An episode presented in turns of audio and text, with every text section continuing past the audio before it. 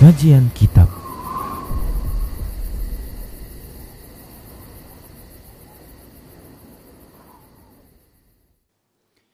Bismillah, Assalamualaikum warahmatullahi wabarakatuh.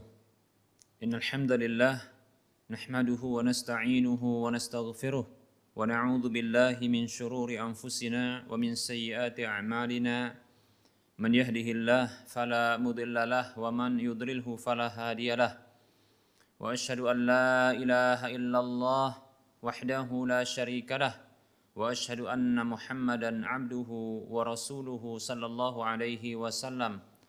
قال الله تبارك وتعالى يا أيها الذين آمنوا اتقوا الله حق تقاته ولا تموتن إلا وأنتم مسلمون. يا أيها الناس اتقوا ربكم الذي خلقكم من نفس واحدة وخلق منها زوجها وبث منهما رجالا كثيرا ونساء واتقوا الله الذي تساءلون به والأرحام إن الله كان عليكم رقيبا. يا أيها الذين آمنوا اتقوا الله وقولوا قولا سديدا يصلح لكم أعمالكم ويغفر لكم ذنوبكم. ومن يطع الله ورسوله فقد فاز فوزا عظيما أما بعد. فإن أحسن الكلام كتاب الله وخير الهدى هدى رسول الله صلى الله عليه وسلم وشر الأمور محدثاتها وكل محدثة بدعة وكل بدعة ضلالة وكل ضلالة في النار Para hamba Allah rahimani wa rahimakumullah, para muslim dan muslimat, a'azani Allah wa iyyakum jami'a. Kita bersyukur kepada Allah Subhanahu wa taala atas semua nikmat yang Allah telah berikan kepada kita. Selawat dan salam tak lupa kita ucapkan untuk Nabi kita tercinta Muhammad sallallahu alaihi wasallam. Semoga Allah Subhanahu wa taala menjadikan kita sebagai hamba-hambanya yang taat kepadanya dan taat kepada Rasulnya sampai Allah Subhanahu wa taala mewafatkan kita.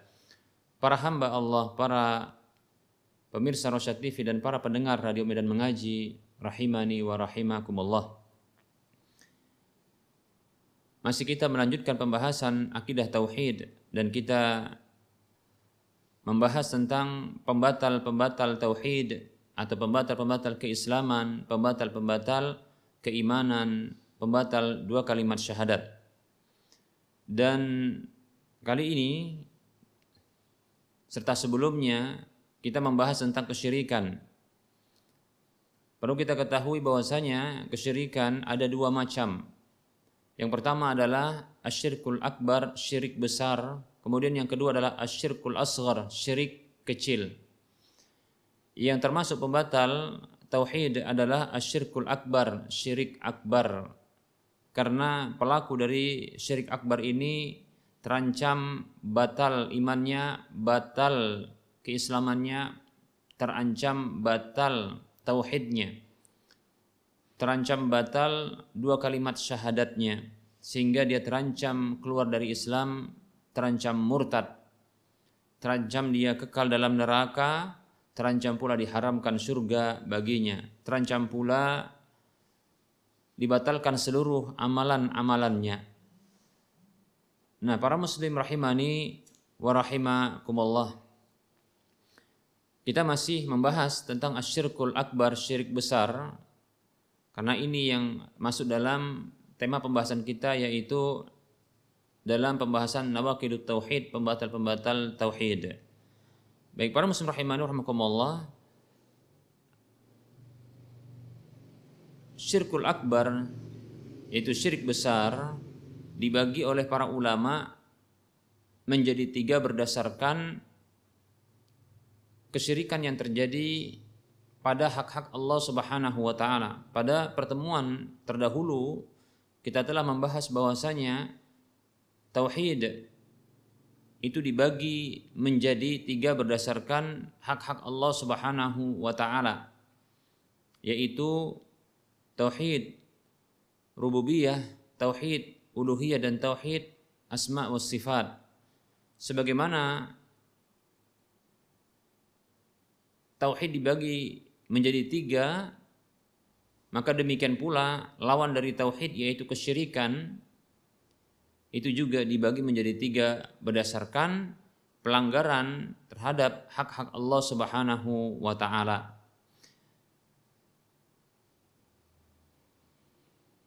Pembagian yang pertama dari syirik asgar adalah asyirku fir rububiyah yaitu kesyirikan di dalam rububiyah. Kemudian yang kedua nantinya kita akan bahas asyirku fil uluhiyah yaitu kesyirikan di dalam ibadah. Kemudian yang ketiga adalah asyirku fil asma'i was sifati, kesyirikan di dalam nama dan sifat-sifat Allah Subhanahu wa taala. Baik para muslim rahimani wa rahimakumullah. Kita akan bahas yang pertama yaitu asyirku fir rububiyah, kesyirikan di dalam rububiyah. Artinya, ya, kesyirikan dalam rububiyah adalah terjadinya pelanggaran-pelanggaran di dalam hak rububiyah Allah Subhanahu wa taala. Yaitu hak Allah di dalam rububiyahnya adalah ya hak keesaan Allah Subhanahu wa taala di dalam perbuatan-perbuatannya oleh karenanya ketika disebutkan kesyirikan terjadi dalam rububiyah maksudnya adalah terjadinya ya kesyirikan itu di dalam perbuatan-perbuatan Allah Subhanahu wa taala. Yaitu maksudnya menjadikan adanya tandingan bagi Allah Subhanahu wa taala di dalam perbuatan-perbuatannya. Menjadikan tandingan ya bagi Allah Subhanahu wa taala di dalam ya perbuatan-perbuatan Allah Subhanahu wa taala. Seperti contohnya perbuatan mencipta. Ya, perbuatan mencipta. Maka di antara bentuk kesyirikan di dalam perbuatan mencipta adalah seperti keyakinan ya sebagian orang bahwa bintang gemintang itu diciptakan ya oleh dewa dewa tertentu ya. Seperti contohnya ya matahari itu diciptakan oleh dewa matahari ya begitu juga ya bulan diciptakan oleh dewa bulan ya. Demikian pula ya bumi diciptakan oleh dewa bumi dan seterusnya ya. Begitu juga contohnya adalah keyakinan ya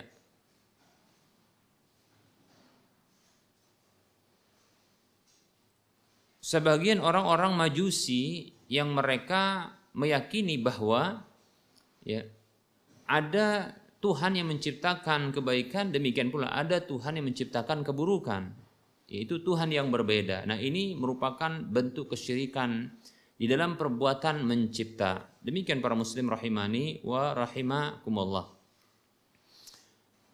Kemudian di antara perbuatan Allah Subhanahu wa taala adalah mengatur ya mengatur.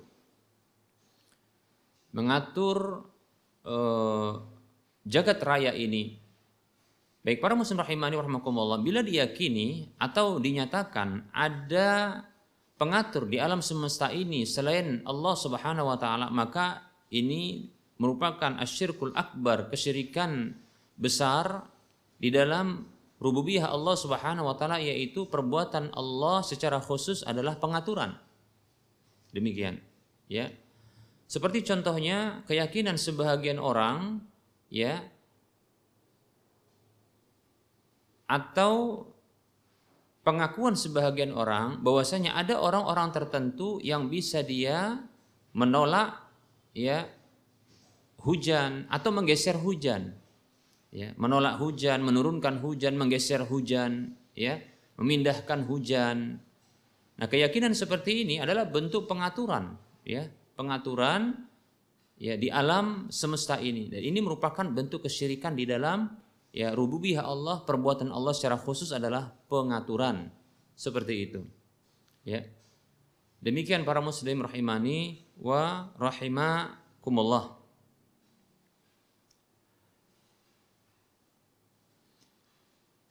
Demikian pula eh,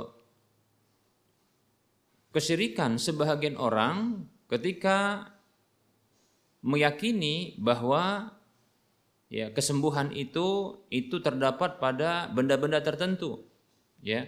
Atau diyakini ya kesembuhan itu bisa muncul atau bisa ya atau sesuatu itu bisa menyembuhkan. Seperti contohnya batu ya.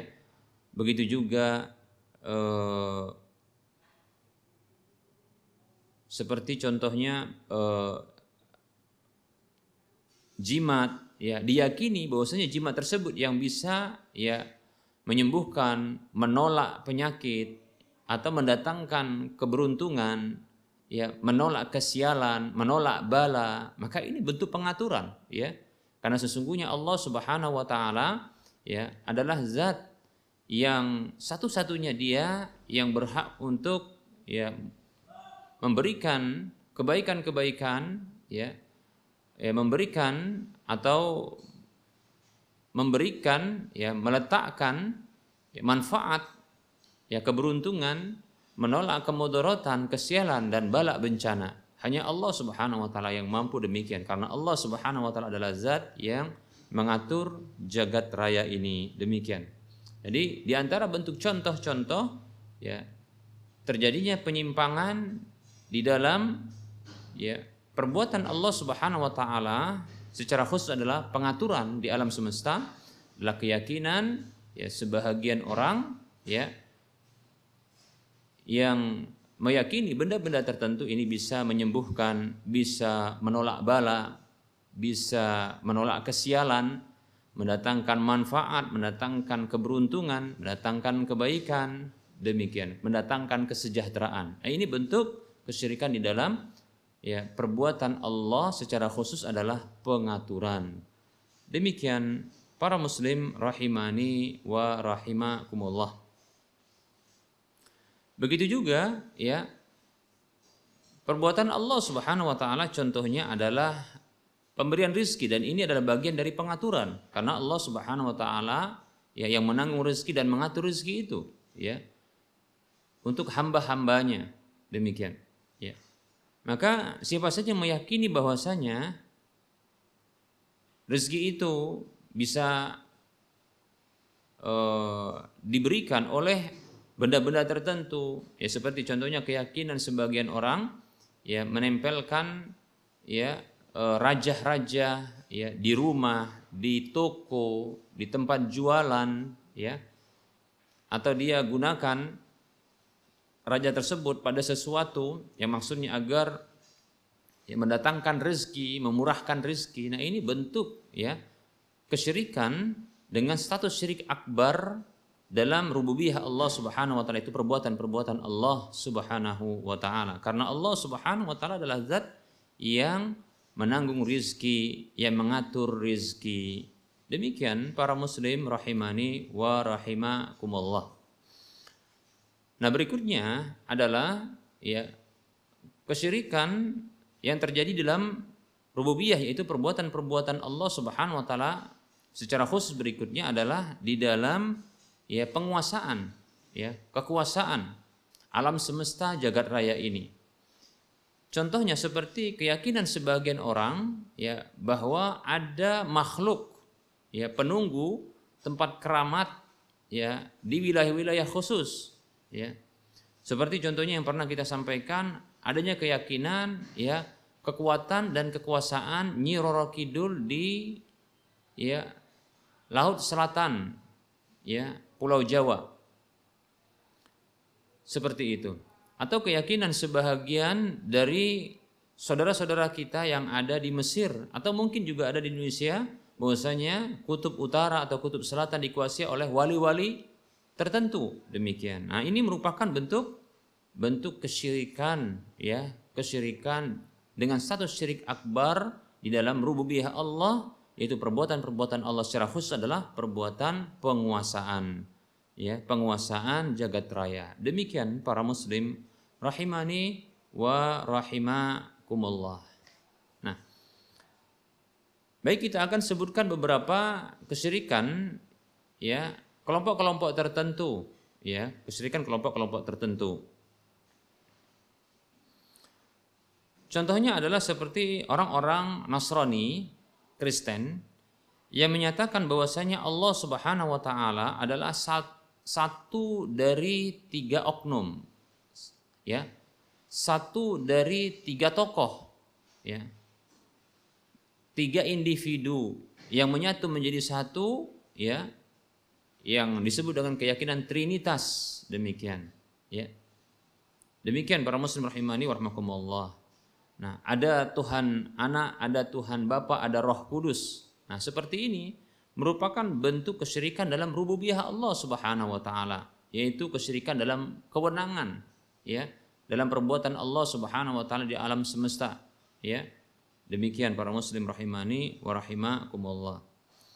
Nah, begitu juga seperti kesyirikan orang-orang Majusi. Ini contoh berikutnya yang sudah kita sebutkan tadi, itu kesyirikan orang-orang Majusi di mana mereka ya e, meyakini bahwa perbuatan-perbuatan baik itu ada Tuhan yang menciptakannya sebagaimana perbuatan-perbuatan buruk itu ada Tuhan lain yang menciptakannya ya Tuhan baik dan Tuhan buruk demikian. Nah, ini berarti adalah ya mereka meyakini ada pencipta selain Allah Subhanahu wa taala dan ini merupakan bentuk kesyirikan dengan satu syirik akbar di dalam ya rububiyah Allah yaitu dalam perbuatan-perbuatan Allah secara khusus adalah ya dalam secara khusus adalah yaitu di dalam perbuatan penciptaan. Begitu juga kesyirikan yang terjadi pada sebagian kelompok qadariyah ya atau kita katakan kelompok qadariyah. Sebagian kaum muslimin yang mereka berpahaman berpemahaman qadariyah di mana mereka ya meyakini bahwa ya perbuatan-perbuatan makhluk itu adalah terlepas dari kewenangan Allah Subhanahu wa taala. Bahwasanya perbuatan makhluk itu adalah manusia itu sendiri yang menciptakannya. Demikian. Nah, nah di sini ya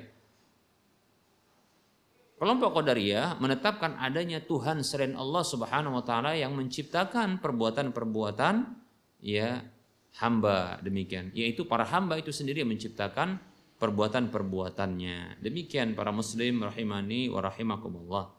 Begitu juga ada kelompok yang lain seperti contohnya kelompok Syiah. Syiah Rafidah. Nah, dan orang-orang yang semisal dengan mereka. Ya. Yang mereka ini meyakini bahwasanya orang-orang yang telah mati ini mampu untuk ya e, memiliki kewenangan ya di alam ini. Seperti mengatur sebagian wilayah ya memenuhi kebutuhan-kebutuhan ya. Demikian pula ya memberikan keberuntungan ya mendatangkan kebaikan ya. E, menarik kemanfaatan. Demikian. Begitu juga menolak bala menolak musibah ya. Ya. Seperti tolak bala tolak musibah ya seperti itu. Begitu juga ya ya menolak kesialan ya. Maka yang seperti ini merupakan bentuk kesyirikan di dalam pengaturan. Perbuatan Allah Subhanahu wa taala itu pengaturan ya di jagat raya ini. Demikian para muslim rahimani wa rahimakumullah. Begitu juga ada sebahagian orang yang mereka meyakini bahwasanya guru-guru mereka ya tuan-tuan guru mereka, syekh-syekh mereka, atau wali-wali mereka, nah ini mampu ya untuk mendatangkan hujan, ya, menolak bala dan seterusnya, ya. Padahal ketika itu dia tidak dapat, ya, atau tidak e, tidak ada di tempat, ya, tidak dapat ketika itu untuk melakukannya karena tidak ada di tempat. Namun diyakini demikian. Maka ini merupakan bentuk kesyirikan ya di dalam ya tadbir yaitu pengaturan jagat raya. Demikian para muslim rahimani wa rahimakumullah. Nah gitu juga ya contohnya sebahagian orang yang mereka meyakini bahwa ada orang-orang yang mereka mengetahui perkara-perkara yang gaib. Ya perkara-perkara yang gaib. Baik itu tentang musibah-musibah atau perkara-perkara hal-hal gaib yang terjadi di masa yang lalu. Demikian. Dan apa saja yang akan terjadi di masa yang akan datang. Ya itu disebut, dengan araf ya. Itu tukang ramalkah atau ya orang pintar dalam sebahagian dalam ungkapan atau peristilahan di sebahagian wilayah di Indonesia ini. Orang pintar yang diyakini dia punya kemampuan untuk mengetahui barang-barang hilang. Sampai-sampai ada orang yang datang tatkala dia merasa kehilangan barangnya di jalanan maka dia datang kepada orang tersebut untuk menanyakan keberadaan barangnya. Demikian. Nah ini merupakan bentuk kesyirikan dengan status syirik akbar ya syirik akbar di dalam ya perbuatan-perbuatan Allah di dalam rububiyah Allah Subhanahu wa taala. Secara khusus adalah ya dalam kemampuan untuk mengetahui perkara yang gaib seperti itu. Begitu juga ada sebahagian orang yang mereka meyakini ya bahwa dukun-dukun ini mampu untuk mendatangkan rizki ya dukun ini bisa mendatangkan rizki apakah rizki berupa harta ataupun rizki berupa anak demikian ya. Padahal banyak kasus di mana ya orang-orang yang datang kepada para dukun ini mereka tertipu. Ya bahkan uang mereka harta mereka itu lenyap berkurang ya karena ditipu. Bahkan ada juga sebagian wanita yang menginginkan agar punya anak ya mereka datang kepada kepada para dukun ini malah ya dihamili oleh dukun tersebut. Demikian. Atau contohnya ya rizki berupa jodoh mereka datang kepada dukun tersebut. Ya, mereka memiliki keyakinan bahwasanya dukun tersebut bisa memiliki ya kemampuan ya untuk mendatangkan rizki, memudahkan rizki, yaitu rizki harta, rizki jodoh, rizki anak. Nah ini merupakan bentuk kesyirikan dalam rububiyah Allah subhanahu wa ta'ala. Demikian para muslim rahimani wa rahimakumullah. Nah, begitu juga ada sebagian tindakan manusia yang mereka datang ke candi-candi, ya, datang ke candi-candi, lalu mereka menuliskan, ya, apakah yaitu pada kertas, secara kertas atau begitu mungkin pada e, tempat yang katanya bila dituliskan pada tempat tersebut atau diletakkan kertas pada tempat tersebut, maka apa yang mereka ya inginkan maka akan bisa dipenuhi demikian bisa di dipenuhi. Nah, ini merupakan bentuk apa? Bentuk ya kesyirikan dalam rububiyah. Ya. Karena dianggap bahwasanya ya para benda-benda mati ini mampu untuk mendengar, ya, mampu untuk mendengar, ya. Begitu. Mampu juga untuk mendatangkan ya apa yang diminta oleh para makhluk, memenuhi permintaan para makhluk demikian. Baik, ini kesyirikan dalam rububiyah Allah Subhanahu wa taala secara khusus adalah dalam masalah ya tadbir yaitu pengaturan, pemenuhan e, permintaan para hamba. Begitu juga kita akan sebutkan e, hal-hal yang lainnya. Contohnya juga ada kesyirikan yang terjadi di sebahagian wilayah di mana bukan orang yang diyakini mampu untuk menolak rizki ya. Bukan orang yang mampu untuk menolak rezeki tapi benda-benda uh, bukan orang yang mampu untuk menolak hujan ya ketika ada sebuah acara ya. Namun benda-benda tertentu ya yang ini bisa menolak hujan ya.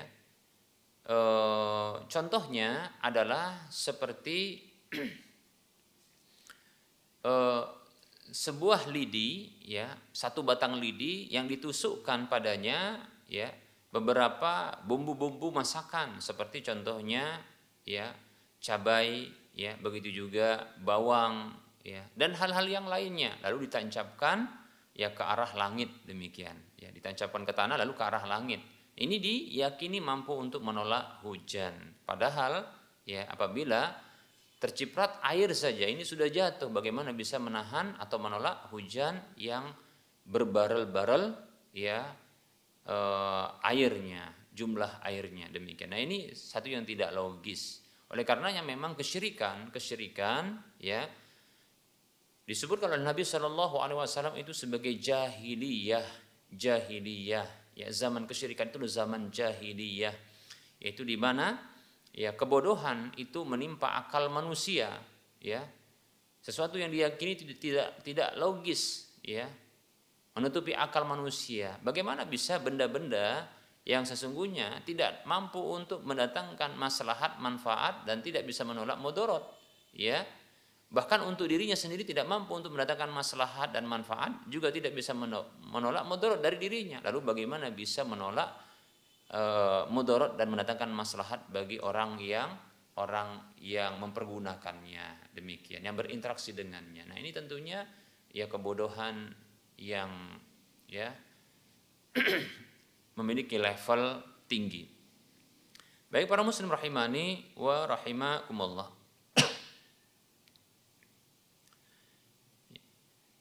Begitu juga ada keyakinan sebahagian dari manusia yang mereka ini meyakini bahwa ya uh, hujan itu turun dengan sebab ya dengan sebab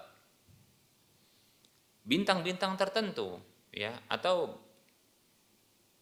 hujan tersebut ya e, turunnya hujan itu berasal dari ya bintang-bintang tertentu. Bila muncul bintang itu, maka diyakini dia bisa mendatangkan hujan tanpa ada kehendak dari Allah Subhanahu wa taala. Maka ini termasuk kesyirikan di dalam ya rububiyah Allah Subhanahu wa taala. Itu kemampuan dalam menurunkan hujan demikian.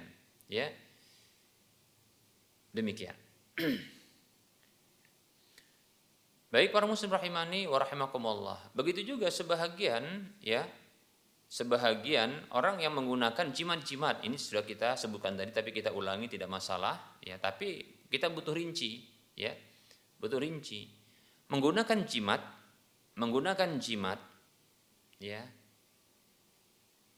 sesungguhnya ini merupakan bentuk kesyirikan di dalam rububiyah ya menggunakan jimat.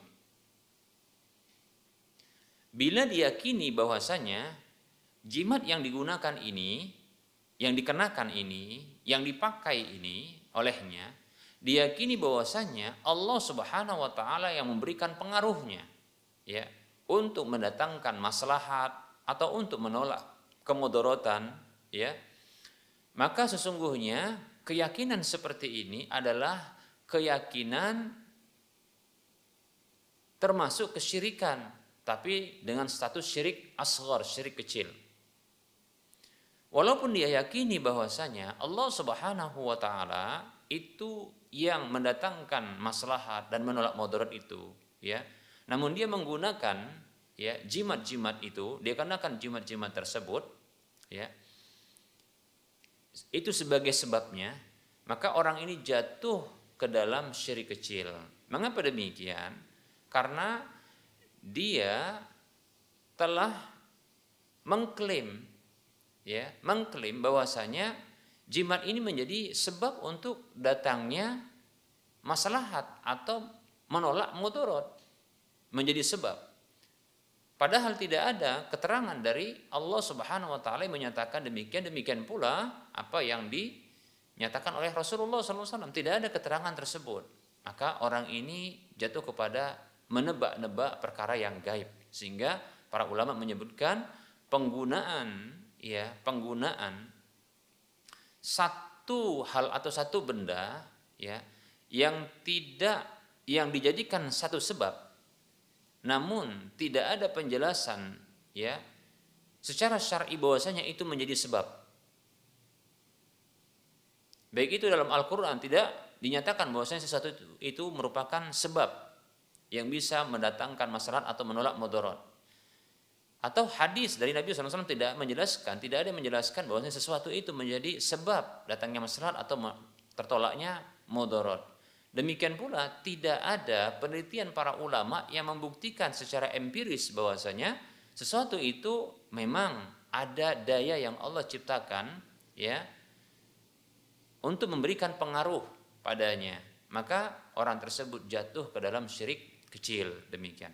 Namun apabila diyakini bahwa sesuatu tersebut ya bukan menjadi sebab sesuatu itulah yang memberikan pengaruh bukan Allah Subhanahu wa taala maka ini merupakan syirik akbar dan ini merupakan syirik akbar di dalam rububiyah Allah Subhanahu wa taala itu kewenangan Allah di dalam perbuatan-perbuatannya keesaan Allah di dalam perbuatan-perbuatannya ya lebih khusus adalah dalam ya perbuatan memberikan manfaat, maslahat ya, dan ya menolak mudarat dan bala musibah. Demikian para muslim rahimani wa rahimakumullah.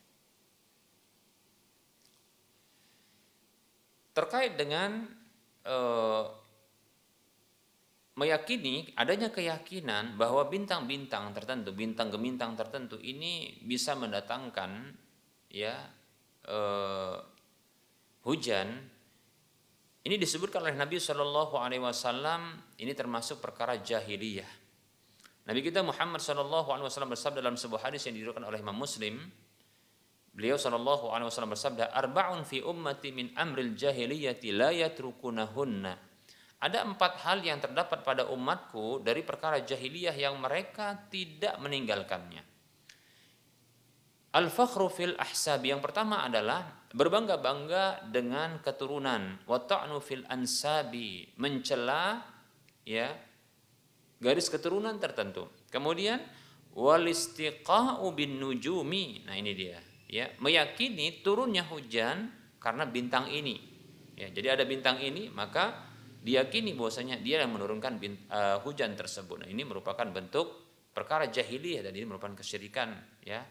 Kesyirikan dengan satu syirik akbar ya dalam ya hak Allah Subhanahu wa taala rububiyah yaitu keesaan Allah di dalam perbuatan-perbuatannya. Kemudian waniyahatu kemudian adalah meratap ya meratap ya meratapi seperti contohnya adalah memukul-mukul pipi, merobek-robek pakaian ya e, memotong-motong rambut ya membanting-banting sesuatu ya menjerit dengan histeris dan seterusnya. Nah, ini merupakan bentuk niyahah yaitu meratap. Demikian.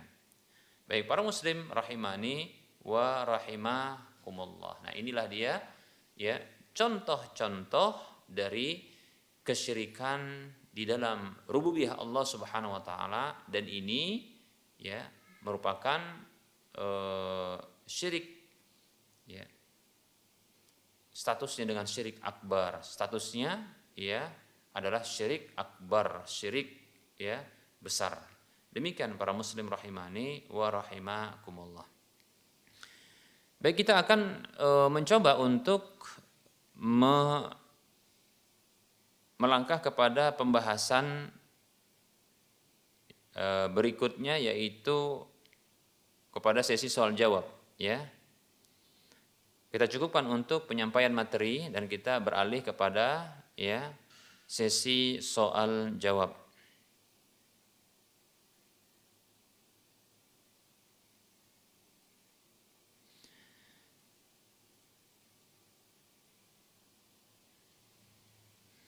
Baik ada pertanyaan Assalamualaikum Ustadz saya mau bertanya begini ceritanya dalam satu kantor ada tiga pegawai Misalnya pegawai A, B, dan C. Ada tugas tambahan dari atasan untuk diberikan kepada si A. Serta tugas untuk e, surat tugas untuk honor harus ditandatangani oleh si A. Ternyata si A ini dalam hal ini tidak bekerja, tidak turun tangan. Kemudian tugasnya diambil alih ya ke si B dan honornya pun untuk si B. Ya. Saya mau bertanya, Ustadz, bagaimana hukum dengan honor itu? Apakah kita telah mengambil hak atau mendolimi si A, Ustadz? Maaf, Ustadz, kalau saya terlalu sering bertanya, karena memang saya tidak tahu ilmunya, tidak tahu hukumnya. Baik, Waalaikumsalam warahmatullahi wabarakatuh. Tentunya pegawai itu mengikuti ya SOP itu standar operasional, operasional prosedur yang telah ditetapkan ya untuk kerjanya. Di antaranya adalah ya mengikuti arahan dari atasan. Jika itu atasan memandang bahwasanya ya butuhnya untuk penyelesaian sebuah pekerjaan walaupun itu tambahan. Ya. Kalau pekerjaan pekerjaan tambahan maka tentunya Bila ini di luar dari pekerjaan yang yang sudah biasa, ya, maka tentunya tambahan ini berhak ya pekerjaan tambahan atau tugas tambahan ini berhak untuk mendapatkan kompensasi gaji tambahan pula demikian dan ini ternyata dalam kasus ini juga demikian hanya saja tugas tersebut dan surat tugas itu diarahkan kepada pegawai A. Namun ternyata pegawai A ini tidak bisa atau tidak ya turun tangan untuk melakukannya. Maka diambil alih oleh si B ya. Apakah boleh yang seperti ini? Maka saya condong boleh. Karena sesungguhnya ya eh, si A bila memang tidak bisa, boleh dia mengalihkan dan mewakilkan tugasnya kepada si B walaupun dia yang menandatangani karena dia mendapatkan tugas tersebut. Boleh bagi dia untuk meng, mengalihkan ya hanya saja ya dia harus bertanggung jawab tentunya eh, terhadap kepastian ya selesainya tugas tambahan tersebut. Ya, karena dengan itu maka akan berhak adanya gaji tambahan tersebut atau fee-nya. Demikian, ya. Nah, adapun terkait dengan gaji ketika si A tidak e, bisa atau tidak turun tangan dalam penyelesaian tugas tambahan ini, namun diselesaikan atau diwakilkan kepada si B untuk menyelesaikannya, apakah halal ya fee tambahan tersebut? Maka saya condong adalah itu halal, ya halal Apakah halal bagi si B? Maka dia halal untuk mendapatkannya. Apakah si A juga halal baginya untuk mendapatkan sebahagian darinya? Maka saya condong halal andaikan dia dengan syarat dengan syarat dia bertanggung jawab dengan memastikan dan mengawasi penyelesaian tugas tambahan itu. Namun apabila dia wakilkan, ya dia serahkan, ya dia serahkan kepada si B atau langsung diambil alih oleh si B dan si B yang bertanggung jawab ya maka ya maka si A tidak berhak terhadap sebahagian dari gaji itu ya gaji tambahan tersebut dari tugas tambahan. Maka itu penuh dimiliki oleh si B. Wallahu taala a'lam. Yang jelas honor tambahan itu itu merupakan kompensasi dari tugas tambahan maka ini dibolehkan. Asalkan tentunya ya tidak mengganggu tugas inti tugas asal demikian wallahu taala alam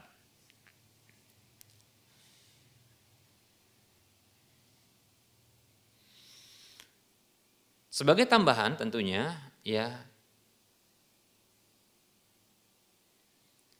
sebagai tambahan bahwasanya ya mengapa demikian? Karena seorang muslim itu diikat dengan eh, kesepakatan-kesepakatan yang telah dibuat Nabi SAW bersabda al-muslimuna ala syurutihim. Orang-orang Islam itu berada di atas syarat-syarat yang telah mereka sepakati.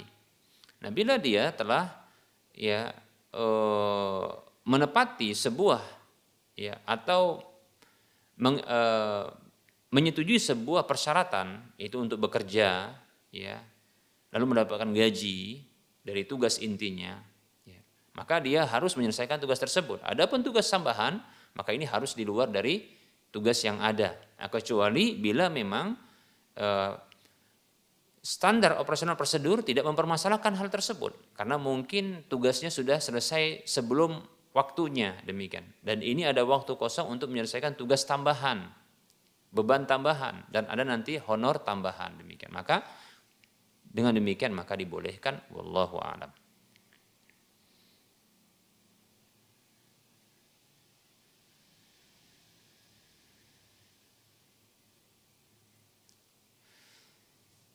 Ada pertanyaan, Assalamualaikum, Alhamdulillah, saya Maizar Hakim. Ini Bapak Maizar Hakim yang Masya Allah senantiasa ya eh, setia mengikuti kajian kita, Alhamdulillah. Beliau tinggal di Jalan Mujair Pasar Minggu, Jakarta Selatan. Barakallah Fik, Bapak ya Maizar Hakim. Semoga Allah senantiasa memberikan kebaikan kepada Bapak di dunia dan di akhirat. Amin. Ustadz, kita mengenal adanya ramalan cuaca dari pusat meteorologi ya yang bertindak sebagai badan dari pemerintah. Apakah ramalan dari pusat meteorologi tersebut ya ini bisa dikatakan sebagai perbuatan syirik kepada Allah Subhanahu wa taala. Baik ya para ulama ya eh, membagi ya ilmu perbintangan itu menjadi dua ya. Ilmu perbintangan itu menjadi dua ya. Yang pertama adalah ilmu ya astrologi. Yang pertama yang kedua adalah ilmu astronomi ya. Demikian. Ilmu astrologi inilah dia ilmu yang menebak-nebak ya sesuatu ya tanpa ada kaitan ya sesuatu tersebut dengan kejadian mengkaitkan sesuatu kejadian ya dengan apa yang ada di angkasa ya yang ada di angkasa yang ini tidak ada hubungan sama sekali. Seperti contohnya ya diyakini bahwa hujan itu turun ya karena ada e, bintang ini. Badai itu akan muncul karena contohnya bintang ini yang mendatangkannya. Bintang itu yang membuatnya. Seperti itu. Nah inilah disebut dengan ilmu astrologi. Dan ini merupakan bentuk kesyirikan. Adapun ilmu astronomi, ya, ya eh, para ulama membenarkan hal ini, namun tidaklah memastikan, ya, kepastian kejadian tersebut. Ya, hanya saja, ya, para ulama mengkaitkan, ya, kejadian-kejadian ya, dengan adanya tanda-tandanya, dengan adanya tanda-tandanya, ya dengan adanya tanda-tandanya.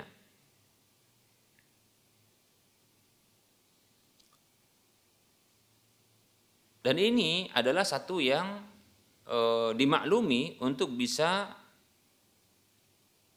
dia apa namanya diucapkan atau disebutkan yaitu memperkirakan munculnya sesuatu disebabkan karena ada tanda-tandanya yang memang kebiasaan kemunculan sesuatu itu disertai sebelumnya adanya tanda-tanda tersebut. Demikian. Maka ini bukanlah merupakan sebuah kesalahan ya. Bukanlah merupakan kesalahan. Allah Subhanahu wa taala berfirman di dalam surah An-Nahlu ayat 16 ya. Allah Subhanahu wa taala berfirman ya wa alamatin wa bin najmi hum yahtadun. Dan sebagai tanda-tanda ya dan sebagai tanda-tanda. Dan itu adalah sebagai tanda-tanda dan dengan bintang itu mereka mendapatkan petunjuk. Maksudnya adalah menjadikan bintang ke bintang ya. Itu eh, adanya kemunculan bintang tertentu itu sebagai tanda ya dan sebagai petunjuk bahwasanya akan munculnya ya eh, kejadian-kejadian tertentu yang ini sifatnya rutin. Demikian ya. Jadi seperti contohnya kalau muncul bintang ini maka bukan diyakini bintang tersebut yang me, me apa namanya yang e, menggerakkan atau membuat atau menciptakan fenomena-fenomena yang terjadi di alam. Tidak ya, akan tetapi sebagai tanda. Karena contoh bila muncul bintang ini maka pada umumnya akan terjadi musim hujan. Ah demikian ya. Seperti itu. Dan ini yang disebut ya dalam uh, ungkapan ya badan meteorologi dan geofisika itu dengan perakiraan ya. Pra itu sebelum kiraan bahkan sebelum dikira ya. Karena melihat kepada tanda tandanya ya melihat kepada tanda tandanya bukan memastikan ya. itu disebut dengan perkiraan perakiraan seperti itu. Dan tidak dan mereka ya Badan Meteorologi dan Geofisika ini tidaklah mereka yang memastikan hal tersebut, tidak memastikan, hanya saja itu bahasanya adalah ramalan namun berdasarkan tanda-tandanya dan ini adalah dibolehkan disebut dengan ilmu astronomi atau yang semisalnya. Tadi kita kan ya itu apa namanya termasuk ilmu meteorologi dan geofisika, geofisika demikian ya. Demikian ya para muslim rahimani wa. Jadi ini bukanlah ya disebut dengan ilmu tanjim ya, bukanlah disebut dengan ilmu tanjim yaitu ilmu uh, astrologi demikian ya. Baik ya, para muslim rahimani wa rahimakumullah. Nah, ini semoga ya Bapak yang bertanya ini bisa memahami ya. Jadi kita ulangi bahwasanya ya eh, pihak eh, petugas ya yang ada di Badan Meteorologi dan Geofisika tidaklah memastikan kejadian tersebut. Dan mereka pun ya menggunakan kalimat perakiraan. Perakiraan. Dan itu mereka memperkirakan terjadinya seperti hujan, badai atau apa saja yang akan mungkin pada waktu berikutnya. Itu berdasarkan tanda-tandanya. Seperti contohnya gerak angin ya gerak angin yang diprediksi maka bila ini kebiasaannya akan berkumpul di sini ya. Kemudian akan mengakibatkan hujan ya atau badai demikian dan seterusnya. Itu pun perkiraan ya bukan sebuah kepastian. Demikian ya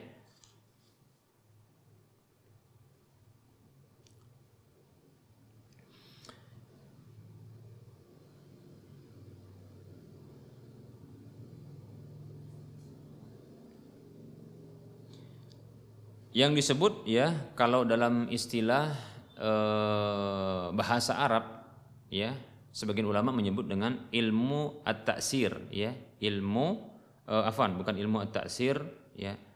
Tapi dia ilmu eh, tasyir namanya maaf ya disebut dengan ilmu tasyir. Ilmu tasyir ya. Tasyir artinya pergerakan ya. Pergerakan dari eh, angin ya atau benda-benda langit ya di angkasa benda-benda yang ada di angkasa seperti angin ya begitu juga seperti apa namanya awan begitu juga seperti bintang ya. Ini pergerakan ini ini eh, menjadi tanda akan munculnya ya kejadian seperti ini atau kejadian seperti itu. Dan ini berdasarkan ya tanda-tandanya. Dan tadi sudah kita sebutkan ya uh, dalilnya ya yaitu Allah SWT berfirman a'udzubillahi minasyaitonirrajim ya.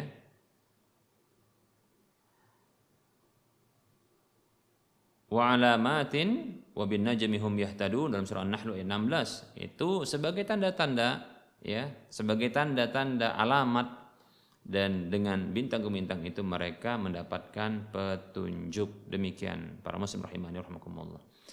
Adapun yang termasuk dia eh, haram dan ini merupakan bentuk kesyirikan adalah ilmu astrologi yang kita sebutkan tadi ya dalam bahasa Arab disebut dengan ilmu eh, at-ta'sir ya. Bahwasanya pergerakan di alam semesta ini memberikan pengaruh ya. Memberikan pengaruh ya seperti itu atau nama lainnya adalah at-tanjim. Demikian. Wallahu taala a'lam. Baik. Pertanyaan berikutnya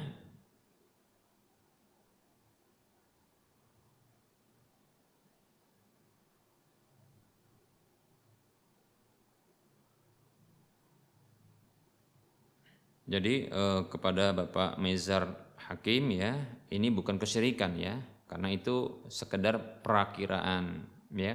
Walaupun dengan menggunakan ya kata ramalan namun ini bukanlah merupakan bentuk kesyirikan. Karena memperkirakan terjadinya sesuatu tersebut atau meramal terjadinya hal tersebut itu berdasarkan tanda-tanda kebiasaan ya yang dipelajari tanda-tanda tersebut ya kebiasaan pergerakan angin pergerakan awan dan seterusnya. Demikian ya. Ya maka ini tidak mengapa. Wallahu taala a'lam. Berikutnya ada pertanyaan. Assalamualaikum Ustadz. Afwan Ustadz, maaf. Izin bertanya, indikasi bahwa kita mendapatkan ruku bersama imam itu apa ya? Apakah sebelum imam mengucapkan sami Allahu liman hamidah? Barakallahu fikum. Waalaikumsalam warahmatullahi wabarakatuh. Ya sedikit tentang uh, mendapatkan ruku, ya mendapatkan ruku bersama imam. Sedikit kita akan menjelaskan bahwasanya perlu dibedakan antara mendapatkan keutamaan atau pahala jamaah dengan mendapatkan hukum berjamaah. Itu harus dibedakan. Ya, mendapatkan keutamaan ya dari sholat berjamaah adalah menurut pendapat yang tepat ya itu dengan sesuatu yang paling paling minimal ya dari gerakan terakhir imam tersebut yang diikuti oleh makmum. Contohnya ketika imam tasyahud akhir lalu datang makmum ya seseorang lalu dia langsung takbiratul ihram lalu mengikuti duduknya ya imam ya tasyahud akhir tersebut. Tidak berapa lama imam itu salam. Maka sesungguhnya sang makmum itu ya dia telah mendapatkan keutamaan berjamaah. Walaupun tentunya ya orang yang lebih lama sebelum dirinya ya seperti dari awal atau mungkin eh, terus ya.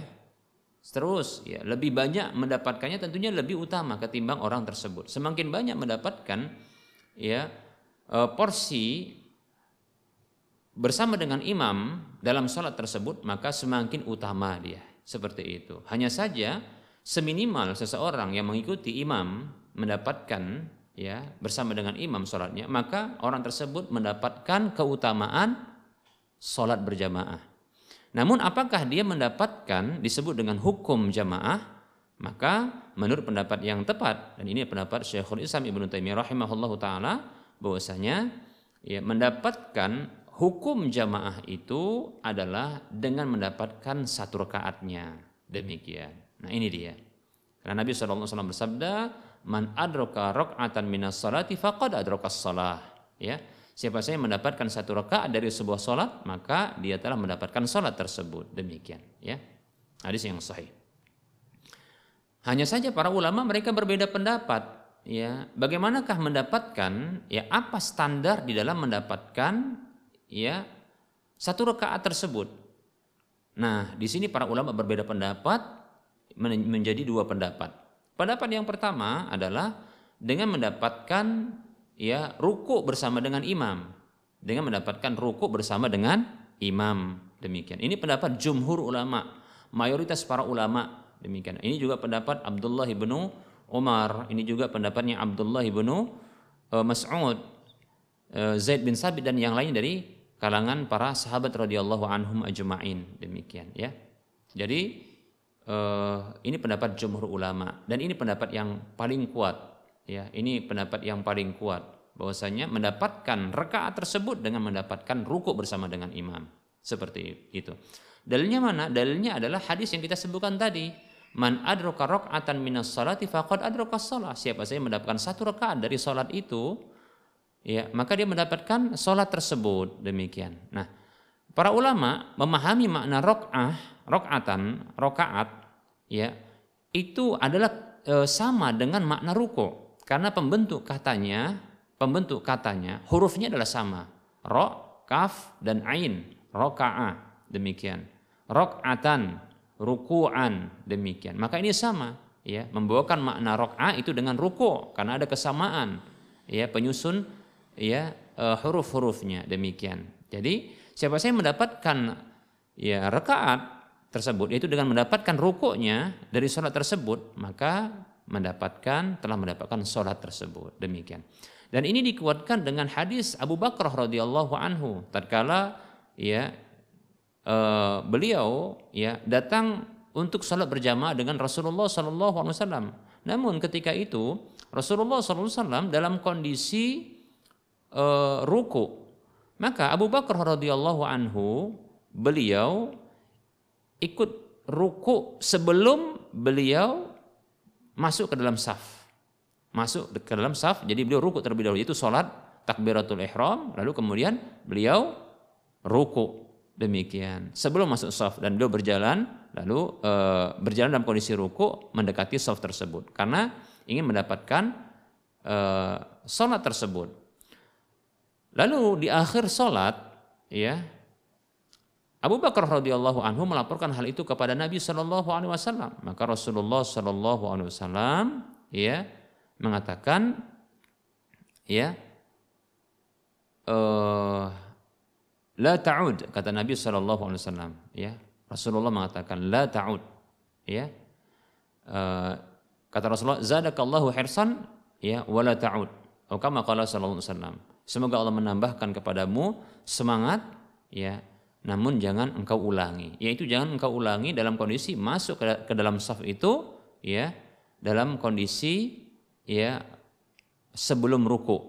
Maaf e, masuk ke dalam saf dalam kondisi ruku. Yaitu berjalan takbir dulu ruku ya kemudian masuk ke dalam saf kemudian berjalan. Nah ini yang dilarang Nabi Shallallahu Alaihi Wasallam. Seperti itu ya. Baik. Nah adapun pendapat yang kedua adalah pendapat segelintir dari para ulama ya yang mengatakan bahwasanya mendapatkan ya e, rekaat satu rekaat itu ya itu dengan mendapatkan bacaan Al-Fatihah secara sempurna. Ya. Hadisnya adalah di antara dalilnya adalah hadis Nabi Shallallahu alaihi wasallam la salata liman lam yaqra bi Fatihatil Kitab hadis Bukhari Muslim ya serta yang lainnya. Ya, tidak ada salat bagi orang yang tidak mendapatkan uh, tidak ada salat bagi orang yang tidak membaca Al-Fatihah demikian. Hadis riwayat Bukhari Muslim demikian ya. Namun sesungguhnya pendapat yang kuat adalah pendapat yang pertama tadi ya. Hadis ini betul ya, hadis yang sahih dan ini sifatnya adalah dia mutlak ya. Namun ini ditakyid yaitu dikaitkan dengan hadis khusus ya atau hadis yang muqayyad. Ya, terkait dalam kondisi kedatangan orang tertentu calon eh, calon makmum itu mendapati imam dalam kondisi ya ruku maka boleh untuk mendapatkan e, kondisi tersebut dan terhitung sebagai satu rakaat ya dengan mengikuti imam. Ini batasannya demikian ya. Adapun orang yang menyengaja untuk tidak membaca Al-Fatihah barulah tidak sempurna ya tidak ada sholatnya. Demikian wallahu taala alam. Nah, pertanyaannya di sini apakah sebelum imam mengucapkan sami Allahu liman hamidah apakah ini didapatkan e, rukunya? Tidak. Mendapatkan ya Para ulama menyebutkan mendapatkan pendapat yang mengatakan pendapat yang pertama jumhur ulama mengatakan mendapatkan satu rakaat dengan mendapatkan ruku bersama imam. Artinya adalah mendapatkan kondisi imam ruku dan makmum ikut ruku demikian. Seperti itu ya. Jadi bukan ya eh, setelah imamnya bangkit walaupun belum mengucapkan sami Allahu liman hamidah tidak, tapi mendapatkan kondisi rukuknya imam.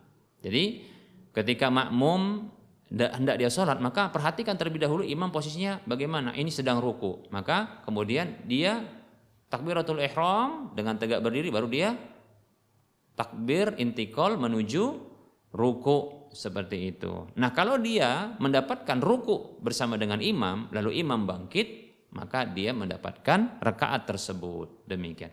Namun apabila ternyata Ketika dia Allahu Akbar untuk takbiratul ihram, ya kan?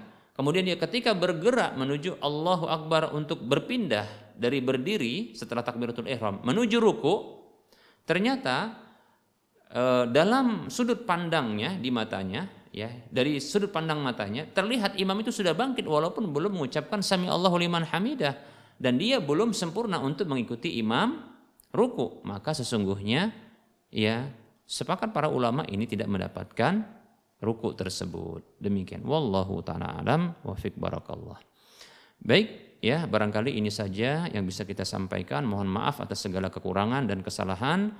Ya, kebenaran itu datang dari Allah Subhanahu wa taala, kesalahan itu datang dari saya pribadi dan bisikan syaitan kepada para pemirsa dan para pendengar. Saya mohon maaf dan kepada Allah saya mohon ampun.